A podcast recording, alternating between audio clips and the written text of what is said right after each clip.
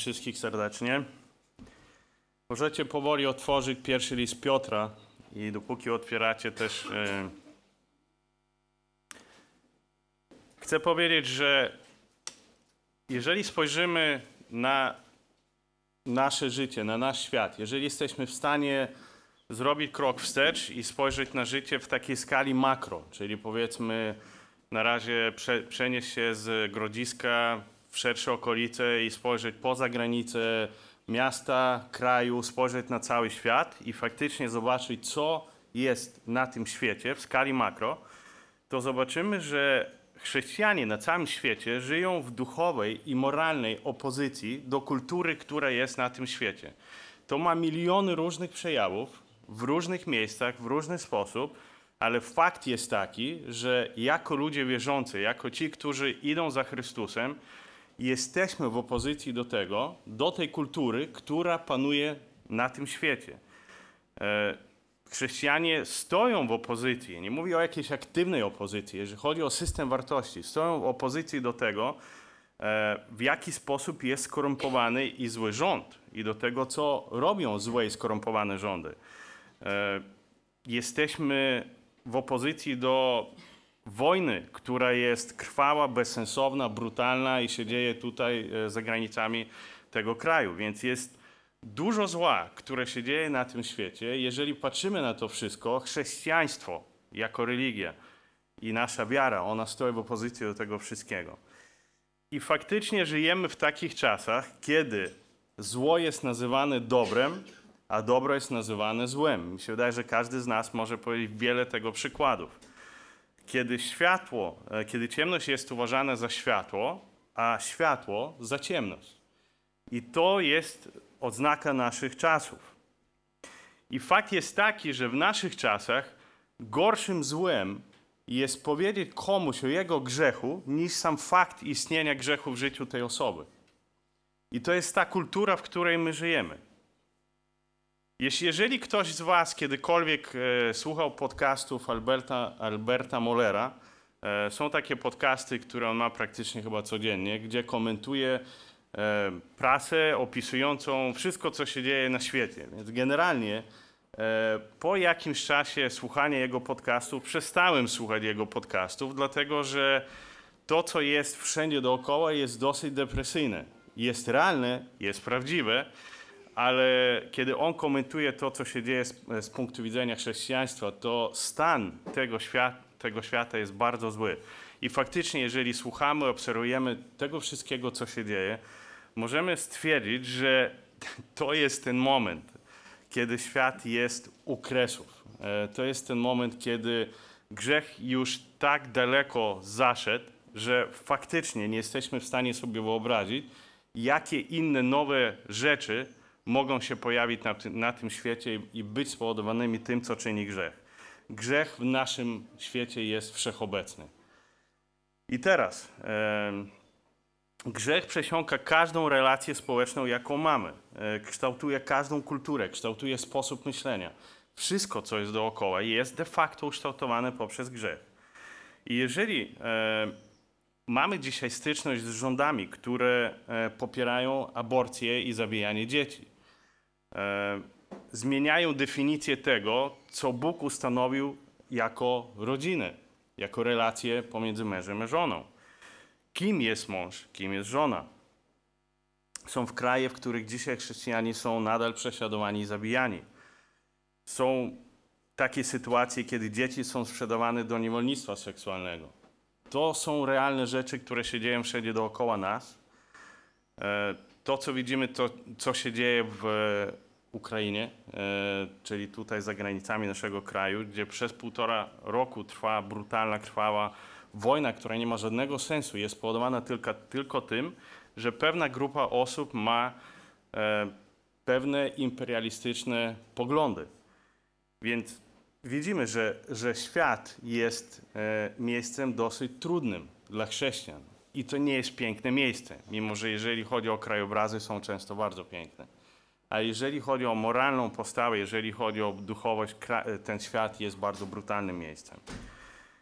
I tak samo jak my widzimy to wszystko wszędzie dookoła nas, e, apostoł Piotr wiedział, że ci ludzie, do których on pisał swoje listy, mieli to w swoim życiu, więc jeżeli czytamy pierwszy list e, apostoła Piotra, który on pisał, dokładnie opisywał te rzeczy. On dokładnie rozumiał, z czym do, mają do czynienia ludzie, którzy e, byli tam e, w Azji Mniejszej, akurat pisał do nich, więc z czym mieli, z czym mieli do czynienia.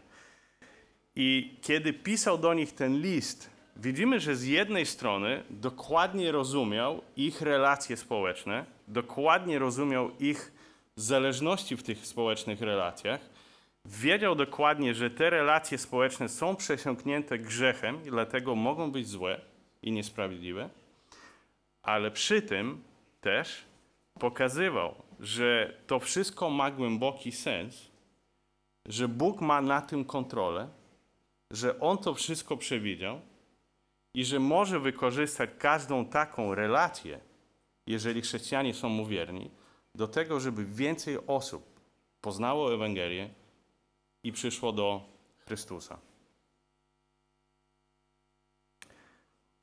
Więc jeżeli naszym głównym fragmentem będzie e, pierwszy Piotra, drugi rozdział, wersety 11 i 12, przeczytam je. Będziemy też e, studiowali inne wersety z Piotra. Umiłowani, napominam was, abyście jako pielgrzymi i wychodźcy wstrzymywali się od cielesnych porządliwości, które walczą przeciwko duszy. Prowadźcie wśród pogan życie nienagane, aby ci, którzy was obmawiają jako złoczyńców, przypatrując się bliżej dobrym uczynkom, wysławiali Boga w dzień nawiedzenia.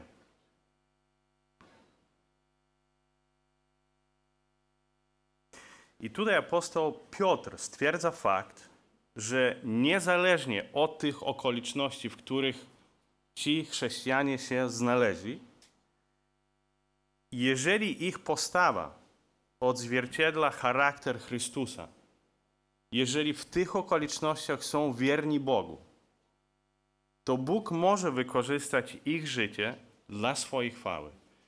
Bóg może wykorzystać ich postawę do tego, żeby ci, którzy ich prześladują w tej czy innej formie, przyszli do poznania Chrystusa i zostali zbawieni. I patrzcie, w jaki sposób apostoł Piotr pisze do nich, w jaki sposób się zwraca. Jest taka ciekawa rzecz. On z jednej strony mówi: Umiłowani, napominam was, abyście jako pielgrzymi i wychodźcy. I ciekawe jest to, można to pominąć, że on nazywa ich na dwa różne sposoby. Czyli z jednej strony mówi do nich umiłowani, a z drugiej strony pielgrzymi i wychodźcy. Dlaczego to jest ciekawe? To opisuje w pewnym sensie podwójne obywatelstwo, dlatego że w pierwszym przypadku on mówi o tym, kim oni są w Jezusie Chrystusie, czyli podkreśla ich jedność z Chrystusem, czyli należą do Niego. Oni są obywatelami nieba. To jest ich pierwsze główne obywatelstwo. Ich drugie obywatelstwo, w pewnym sensie, to jest to, że oni nadal są tutaj, na tej ziemi, gdzie funkcjonują, w tym grzesznym świecie, który jest skorumpowany przez grzech. Więc w jednym zdaniu nazywa ich na dwa sposoby. Z, jednym, z jednej strony podkreśla, kim są w Chrystusie i mówi o ich wiecznym obywatelstwie, a z drugiej strony mówi, że oni nadal są tutaj. I dalej, on e, to w jaki sposób zwraca się, nawet zaczyna od tego umiłowani, czyli on pokazuje troskę, pokazuje miłość, pokazuje przywiązanie, pokazuje kim dla niego są, pokazuje tą przyjaźń. E, ale z drugiej strony e, widzimy, że to samo zdanie, które tutaj apostoł Piotr wypowiada, to w jaki sposób jest ułożone i w jakich słów używa, e, jest dosyć intensywne, dlatego że zaczyna od słowa napominam was. Czyli to, co idzie dalej, jest bardzo ważne. To, co chcę powiedzieć, jest niesamowicie ważne. I to pokazuje pewien ładunek emocjonalny i treściwy, który, który dalej za tym idzie. Więc apostoł Piotr, mówiąc do nich w ten sposób, zwraca się i pokazuje, kim oni są na tej ziemi. Czyli wiemy, w jakich okolicznościach są, ale kim oni tutaj są. I on mówi, że e, abyście jako pielgrzymi i wychodźcy, nazywa ich pielgrzymami. Więc Piotr pisał do ludzi, którzy fizycznie byli e, wychodźcami z innego miejsca i byli tam po prostu nie w swoim domu. Czyli pisząc do nich w ten sposób, nazywając ich pielgrzymami, oni akurat byli tymi, którzy nie są, e, którzy nie są tam w swoim domu. Czyli e, oni rozumieli, co to oznacza nie być w swoim domu. Oni mieli to uczucie, że oni tutaj nie należą, że to nie jest ich miejsce, że ich miejsce jest gdzieś w innym miejscu. Próbowali się tu odnaleźć, zbudować tutaj swój dom, zbudować relacje, poukładać swoje życie, ale tak naprawdę wewnątrz wiedzieli, że to nie jest ich dom, że oni są z innego miejsca. Więc w pewnym sensie apostoł Piotr e, mówił coś, co oni rozumieli, dlatego że oni byli pielgrzymami nie byli w swoim domu. Ale z drugiej strony widzimy też, że apostoł Piotr nie pisze do nich w taki sposób, że rozumiem, że nie jesteście w swoim domu, wiem, że tęsknicie za domem i obiecuję wam, że będzie dobrze, że wy tam wró- wrócicie i wszystko się poukłada. Że wiem, ile wam czasu zajęło stworzenie tego miejsca, gdzie mieszkacie, rozumiem te wszystkie relacje, rozumiem wasze ambicje, które za tym stały. Nie, apo- apostoł Piotr nie mówi, tak, nie mówi takich rzeczy.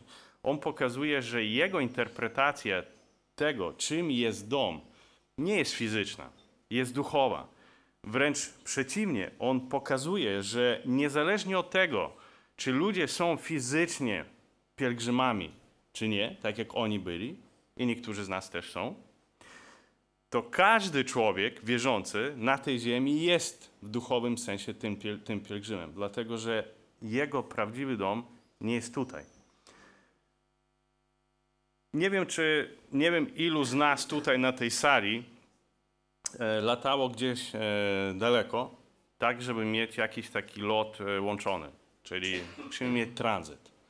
Więc jeżeli mamy takie połączenie tranzytowe, to nie za bardzo się zastanawiamy nad tym, nad tym właśnie miejscem, gdzie mamy to połączenie, gdzie jest tranzyt.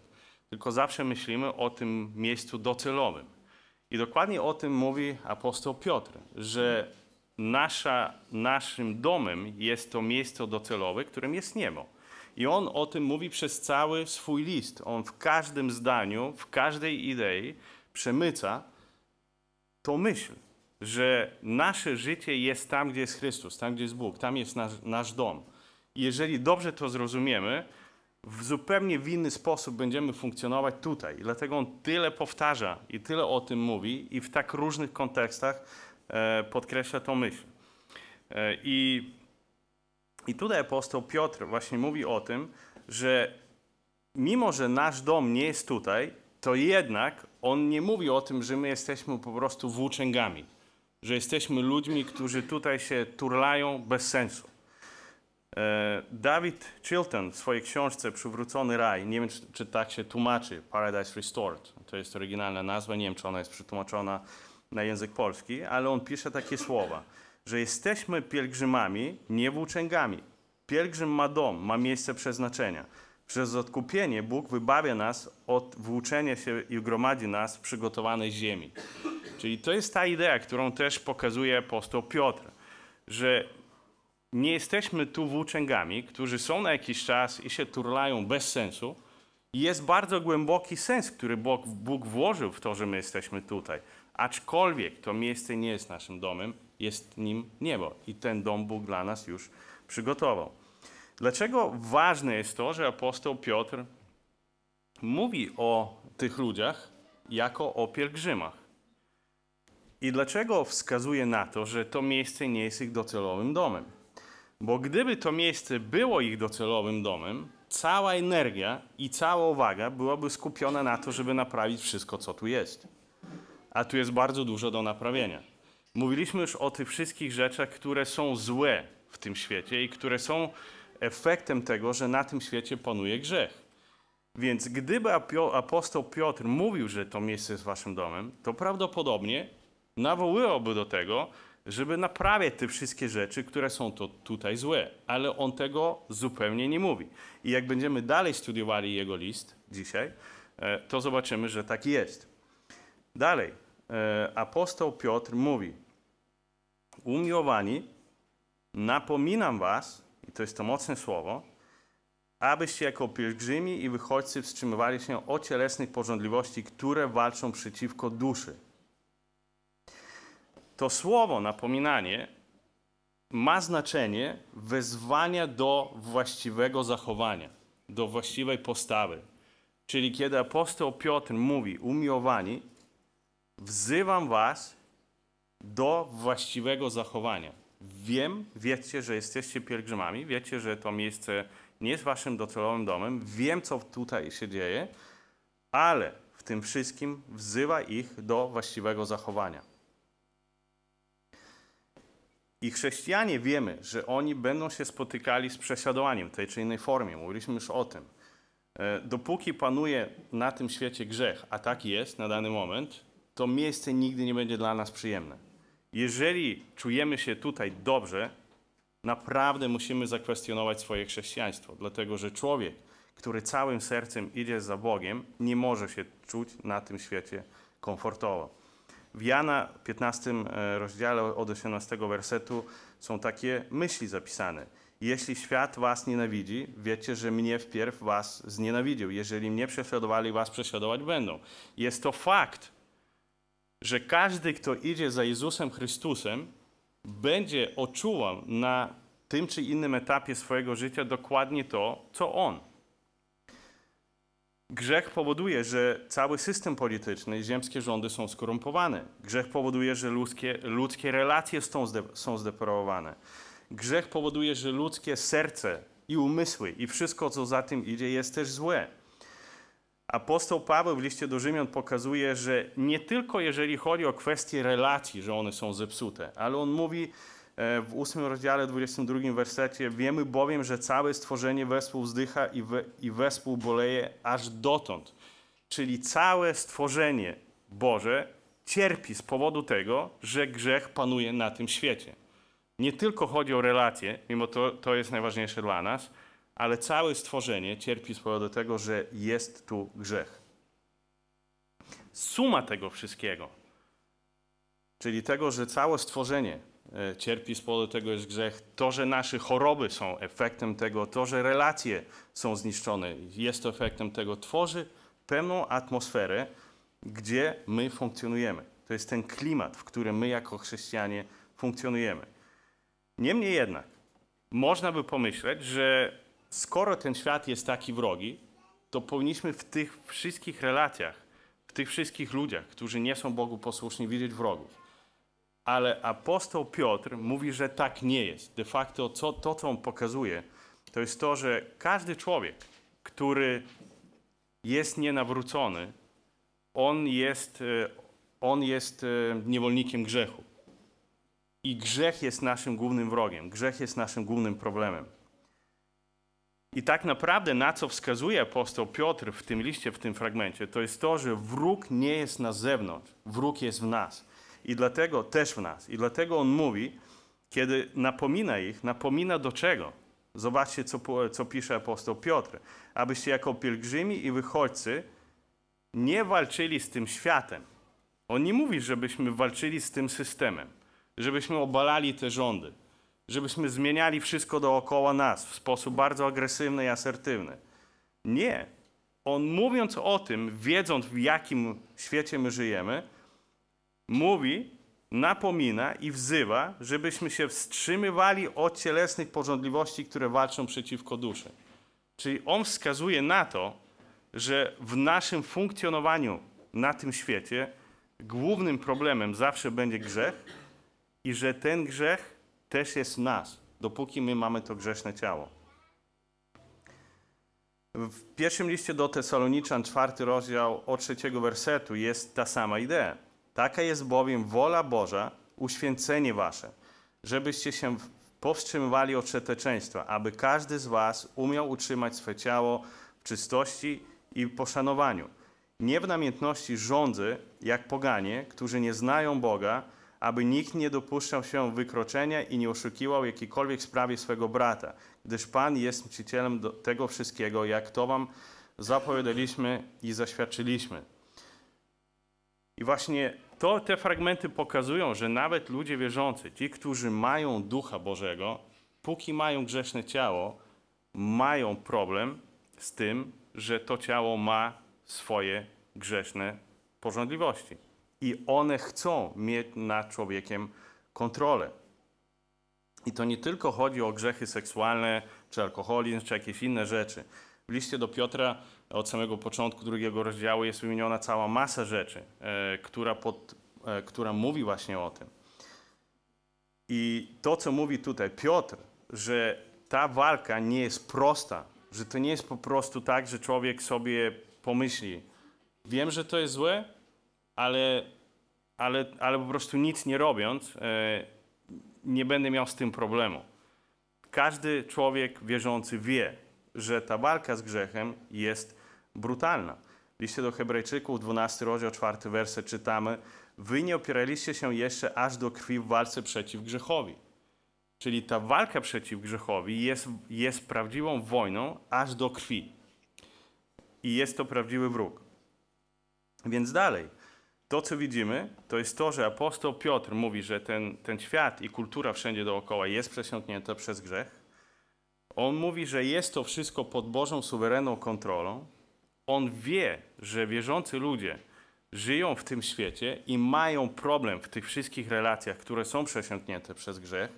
Niemniej jednak wzywa do tego, żeby oni patrzyli na swoją postawę w tych wszystkich relacjach. I dlatego napomina ich do tego, że kiedy będą doświadczeni, kiedy przyjdzie ten moment pokusy w tej czy innej formie, żeby oni walczyli z tym.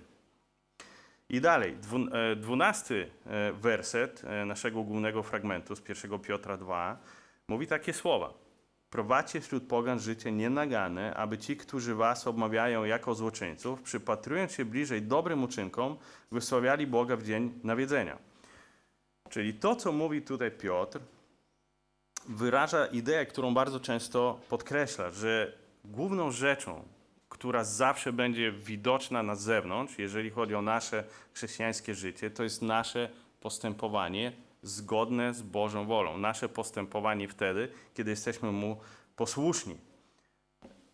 I mówi w tym e, fragmencie o tym, że on wie, że chrześcijanie mogą być w relacjach, różnych społecznych relacjach, kiedy czują prześladowania w tej czy innej formie, kiedy te relacje są niesprawiedliwe, kiedy ktoś postępuje źle, to wszystko jest zrozumiałe w grzesznym świecie. To jest oczekiwane w grzesznym świecie. To jednak on mówi, że ich postawa może zrobić różnicę. Ich postawa może spowodować, że ci, którzy ich prześladują, mogą zadać sobie pytanie, czemu on tak reaguje? Czemu w jego życiu jest zupełnie coś, czego nigdy nie doświadczyłem, nie zauważyłem? I Bóg może wykorzystać tą postawę do tego, żeby ludzie zechcieli słuchać Ewangelii i dzięki czemu mogli się nawrócić. To jest dokładnie ta idea, którą widzimy w Ewangelii Mateusza w 5 rozdziale 16 wersecie. Tak niechaj świeci wasza światłość przed ludźmi, aby widzieli wasze dobre uczynki i chwalili Ojca waszego, który jest w niebie. To, co mówi, e, to, co mówi ten fragment z Ewangelii Mateusza i to, co mówi Piotr, jest dokładnie ta sama idea, że w tym wrogim świecie, wrogim, jeżeli chodzi o kulturę, panowanie grzechu, chrześcijanie, którzy są posłuszni Bogu, idą za Nim i pokazują Ewangelię w praktyce, mogą spowodować, że wszyscy ci, którzy są na początku nastawieni wrogo do Chrystusa, mogą zadać sobie pytanie: To jest coś, czego nigdy nie, wcześniej nie widziałem. To mnie intryguje. I chcę to lepiej poznać, chcę zobaczyć. I dzięki temu też mogą, mogą być zbawieni. Dalej, e, widzimy, że apostoł Piotr, mówiąc o tych obszarach relacji, on, on w swoim liście wyodrębnia trzy, powiedzmy, duże, główne obszary, gdzie, e, gdzie ludzie mogą cierpieć z powodu tych, e, tych niesprawiedliwych relacji, e, mówi- mówiąc o chrześcijanach.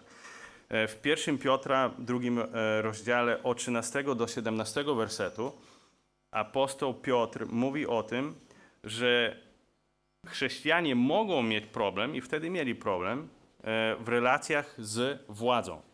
I on mówi o tym, jaki powinien być stosunek do władzy. Druga rzecz, o której on mówi, od wersetu 18 do 25, jaki powinien być stosunek chrześcijan do panów. Czyli on mówi o systemie niewolnictwa, który jeszcze istniał wtedy. E, I dlatego podkreślał to, że nawet jeżeli są wierzący chrześcijanie, którzy są niewolnikami albo sługami i mają panów, którzy traktują ich źle, to w jaki sposób mogą być dla nich, dla nich świadectwem. I jeszcze jeden, e, jeszcze jeden aspekt, bardzo ważny, jeżeli chodzi o relacje społeczne, to jest, e, to jest aspekt e, rodziny. Więc apostoł Piotr mówi o tym, że są inne relacje, które też są bardzo trudne, ale miały miejsce wtedy. I chodziło o to, że w jaki sposób wierząca żona powinna się odnosić do męża, który jest niewierzący. Więc omówimy te trzy przykłady, o których mówi apostoł e, Piotr, dlatego że one pokazują działanie i tą postawę w praktyce. Więc pierwsza rzecz to jest, jaki powinien być stosunek do władzy.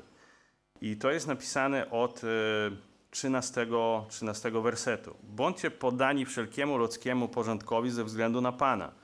Czy to królowi jako najwyższemu władcy, czy to namiestnikom jako przezeń wysyłanych, e, wy, wysyłanym na karania złoczyńców, a udzielania pochwały tym, którzy dobrze czynią i tak dalej. Więc to, co mówi tutaj apostoł Piotr, to jest to, że on wie, że wierzący ludzie wtedy, którzy byli pielgrzymami rozproszonymi w małej, w mniejszej Azji, oni, oni doświadczali na co dzień prześladowania w tej czy innej formie ze strony władzy.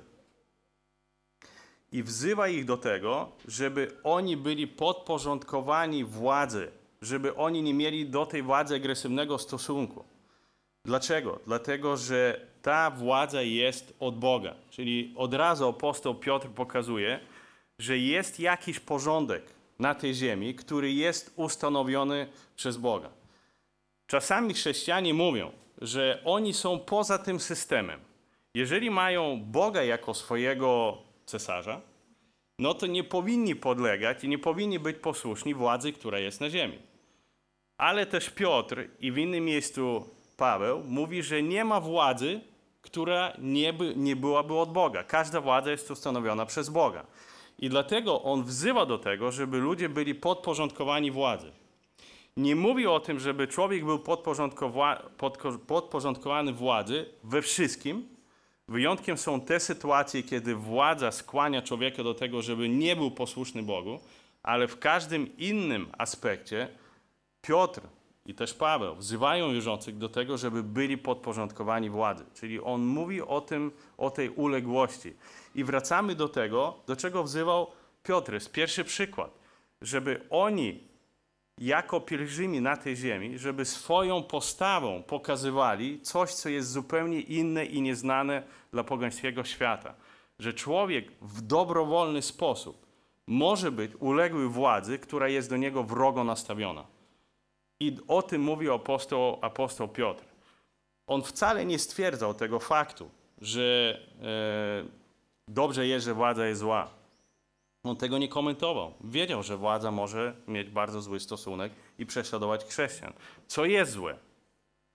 Ale w tym wszystkim postawa podporządkowania, która wynika z tego, że w tym człowiek jest posłuszny Bogu, może zrobić różnicę.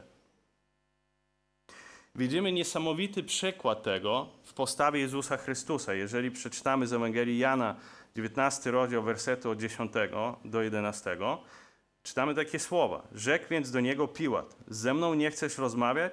Czy nie wiesz, że mam władzę wypuścić cię i mam władzę ukrzyżować cię? Odpowiedział Jezus. Nie miałbyś żadnej władzy nade mną, gdyby ci, gdyby ci to nie było dane z góry. Dlatego większy grzech ma ten, który mnie tobie wydał. Widzimy dokładnie ten sam przykład. Jest Jezus Chrystus, jest Piłat. I Piłatowi się wydaje, że on ma absolutną władzę nad Chrystusem w tej sytuacji. Jezus Chrystus, gdyby chciał, on mógłby zniszczyć Piłata w jedną sekundę i wszystkich dookoła. Ale pokazując swoją uległość w tej sytuacji jemu, on jest uległy w stosunku do Boga Ojca. Czy jego to planem było to, że Jezus Chrystus musiał oddać życie za grzechy innych? Więc i dlatego Jezus Chrystus tutaj mówi, że nie miał być nade mną żadnej władzy, gdyby ona nie była Tobie nadana z góry, przez Boga. Tak samo jest z każdą ziemską władzą w naszym życiu. że ta władza jest od Boga i ma określony cel. Nawet najgorsza władza w historii, nawet najgorsze przykłady władzy, które możemy sobie wymyśleć, widzimy, że ta władza też ma sens, dlatego że ona zapobiega anarchii, dlatego że ona kontroluje, żeby na tej, na tym, na tej ziemi był porządek. Tak w tej czy innej formie ogranicza rozpowszechnianie się zła. I taka była idea, dlaczego Bóg powołał władzę. Dalej widzimy, że w wersecie od 18 domownicy bądźcie poddani z wszelką bojaźnią Panom, nie tylko dobrym i łagodnym, ale i przykrym. Albowiem to jest łaska, jeśli ktoś związany w sumieniu przed Bogiem znosi utrapienie i cierpi niewinnie. Czyli tutaj apostoł Piotr mówi o drugim bloku albo drugim takim dużym aspekcie relacji społecznych, e, które, które wtedy miały miejsce u, u ludzi. Czyli był system niewolni, niewolnictwa i były sytuacje, kiedy byli chrześcijanie e, niewolnikami albo sługami swoich panów. Różne były powody, dlaczego tak się działo e, i w pewnym sensie nie mamy oficjalnie takiego systemu teraz, ale możemy też powiedzieć, że jest coś, co jest czasami dosyć podobne, jeżeli chodzi o nasze relacje z pracodawcą, mimo że to nie jest, nie jest to samo. Ale to, co mówi tutaj Piotr, on nakazuje niewolnikom, żebyście, żeby oni byli podporządkowani swoim panom, nie tylko w tych sytuacjach, kiedy tamci są, traktują ich dobrze, kiedy są sprawiedliwi, kiedy nie przeciążają, kiedy chcą, nie wiem, jak najlepiej dla tego sługi, dla tego niewolnika. Nie, napisane nawet tym, którzy są przykrzy, którzy są źli, którzy, którzy źle postępują. Jestem przekonany, że apostoł Piotr nie popierał tego systemu, jaki jest, dlatego że człowiek w naturalny sposób chce, żeby każdy inny był wolny. Ale też nie widzimy, żeby w jakikolwiek aktywny sposób on zwalczał ten system. Jedynie mówił to, że jeżeli człowiek już jest w tych relacjach pan-niewolnik, pan-sługa, to w jaki sposób jako chrześcijanin powinien postępować. I też pokazuje, że te relacje na dany moment czasu są pod suwerenną Bożą kontrolą. I postawa chrześcijana, która jest, po, która jest postawą uległości i podporządkowania, może spowodować, że nawet ci, którzy są źli i przykrzy i źle traktują swoich niewolników i sług, widząc tą postawę, ich serce może być zmienione.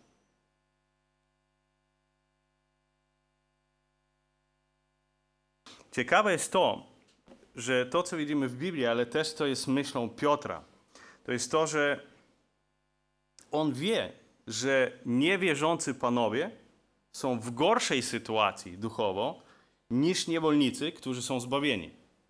Dlaczego? I tutaj zacytuję Augustyna.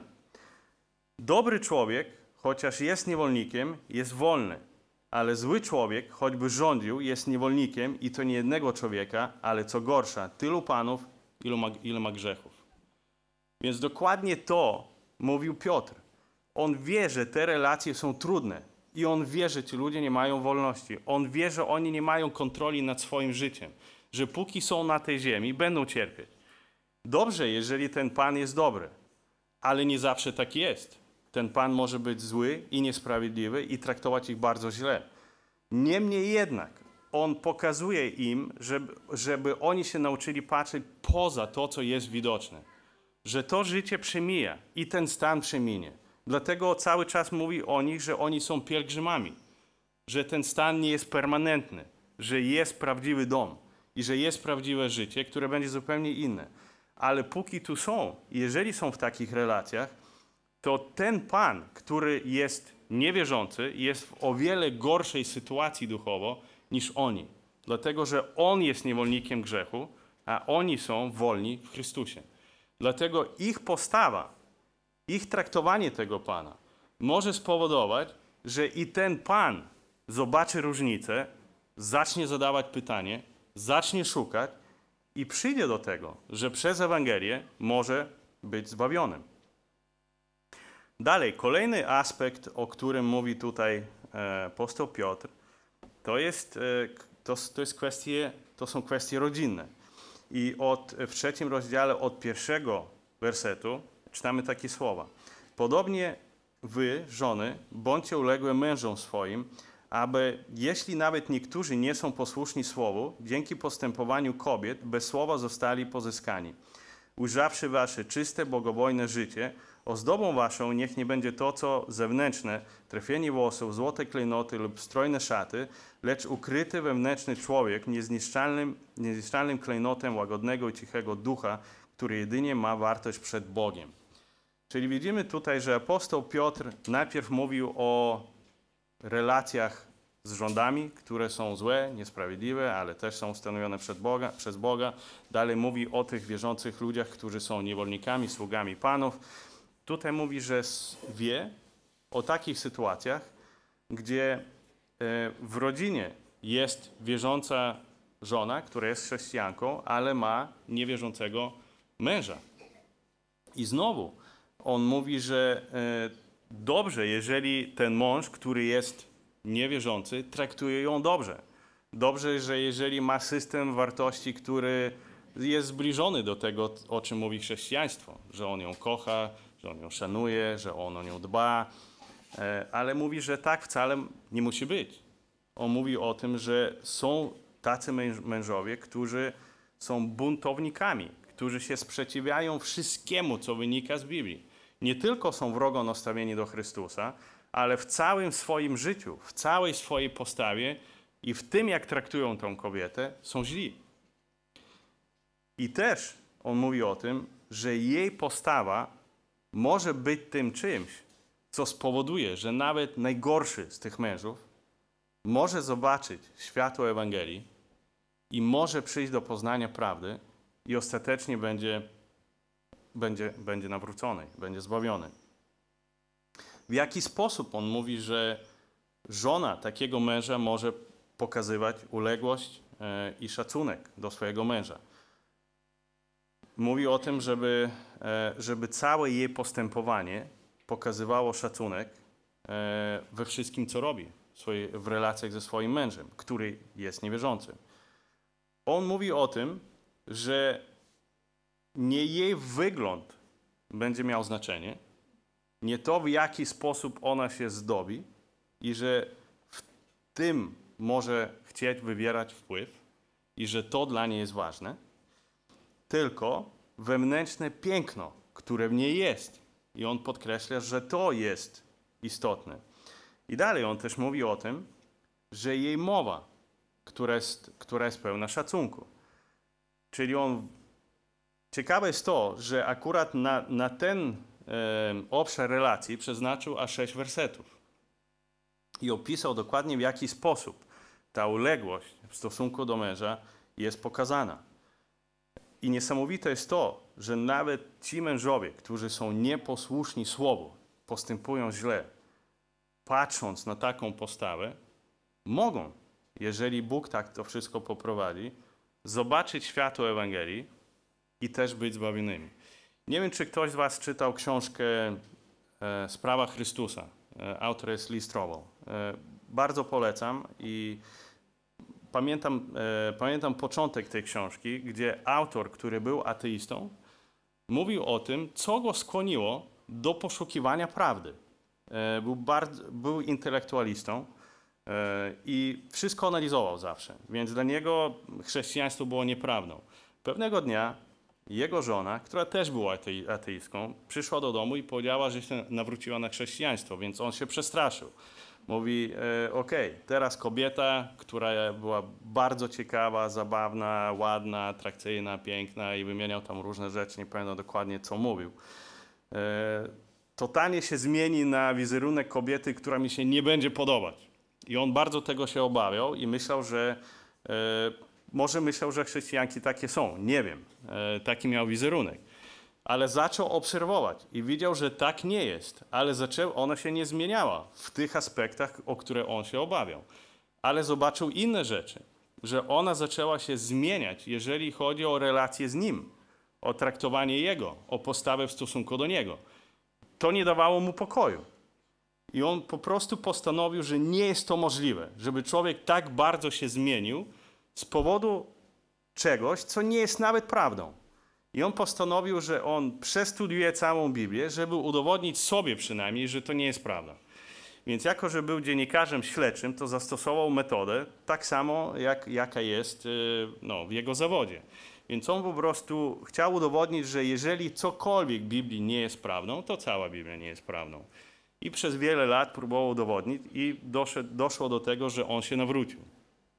I e, sytuacja jest taka, że, że jego żona, Bóg wykorzystał postawę jego żony. I dokładnie o tym mówi też Piotr, że ludzie, którzy, że żony, które mogą być w tych relacjach, gdzie, że one się nawróciły na chrześcijaństwo, chrześcijaństwo, a mąż nie, że ich postawa do męża, ich posłuszeństwo Bogu może spowodować, że nawet ci najgorsi e, mogą być zmienieni i nawróceni. Więc co widzimy analizując te trzy przykłady? Widzimy, że, widzimy, że one, one są trudne. Apostoł Piotr mówi o rzeczach, które są realnie trudne. Rządy, które prześladują chrześcijan, są trudne dla chrześcijan. Relacja, gdzie pan albo, albo pracodawca źle traktuje swojego sługę albo pracownika, są trudne. Relacje z niewierzącym mężem, który nie słucha się Boga i nie chce, jest wrogo do tego nastawiony, są trudne. Ale w żadnym z tych przypadków nie widzimy tego, żeby apostoł Piotr nawoływał do tego, żeby ludzie w agresywny sposób z tym walczyli. Wie, że tak jest, wie, że nie jest to dobre, wie, że jest to spowodowane tym, że grzech panuje na tym świecie, ale jego troską jest to, żeby ci wszyscy źli, poczynając od rządów, panów i mężów, żeby widząc światło Ewangelii w postawie chrześcijan, żeby oni byli, żeby oni usłyszeli Ewangelii, zobaczyli moc Ewangelii i zostali nawróceni. I dlatego apostoł Piotr mówi o tym, że ludzie wierzący są tutaj pielgrzymami, ale nie włóczęgami. Że to nie jest bezsensowne turlanie się. To nie jest ich dom, ale póki tu są, mają misję. I to jest to, że oni mogą pokazywać światło Ewangelii, moc Ewangelii swoim przykładem. Widzimy też, że apostoł Piotr, apostoł Piotr, jaki czytamy w ogóle cały Nowy Testament, nigdzie w aktywny sposób nie pokazuje, żeby ludzie walczyli z systemem, który tu jest.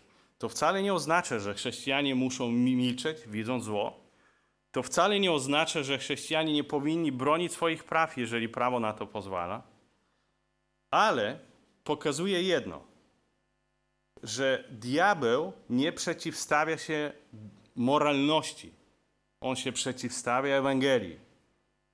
I jeżeli chrześcijanie zaczną żyć tak, że jeżeli tylko będą walczyć o moralność, staną, staną się rewolucjonistami.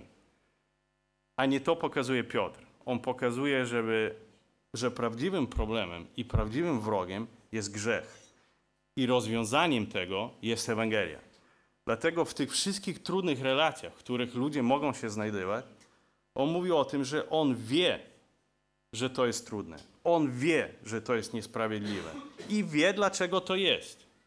Ale też wie, że o wiele ważniejszą rzeczą jest moc, która jest zawarta w Ewangelii i ona może zmienić tych wszystkich, którzy dzisiaj są źle nastawieni do Boga.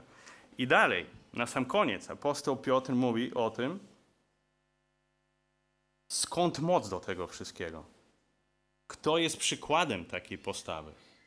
I w drugim rozdziale od 21 wersetu czytamy: Na to bowiem powołani jesteście, gdyż i Chrystus cierpiał za was, zostawiając wam przykład, abyście wstępowali w jego ślady. On grzechu nie popełnił, ani nie znaleziono zdrady w ustach jego. On, gdy mu złożeczono, nie odpowiadał złorzeczeniem, gdy cierpiał, nie groził, lecz poruczał sprawę temu, który sprawiedliwie sądzi. Więc dalej on mówi, że to, co, się sta- to, co z wami się dzieje, ktoś już przez to przeszedł. Był ktoś, kto był niesprawiedliwie traktowany. Nigdy nie zgrzeszył, nigdy nie uczynił żadnego zła, na każde zło, które mu wyrządzono, nie odpowiadał złem. Jeżeli cierpiał z powodu grzechu innych, nie groził. Dlaczego? I on od razu odpowiada. Dlatego, że miał pokój w tym, że nad tym jest Bóg. Poruczał sprawę temu, który sprawiedliwie sądzi.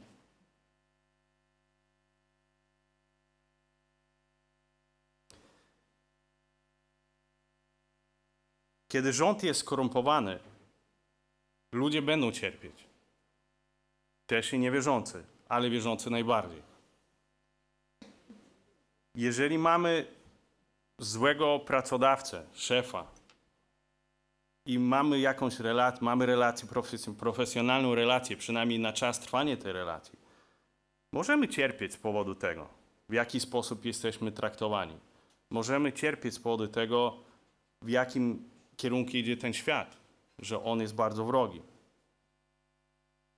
Jest to trudne, jeżeli małżonek jest osobą niewierzącą, nie chce słuchać Ewangelii, jest wrogo nastawiony do Boga, jest wrogo nastawiony do wszystkiego, co wynika z Biblii.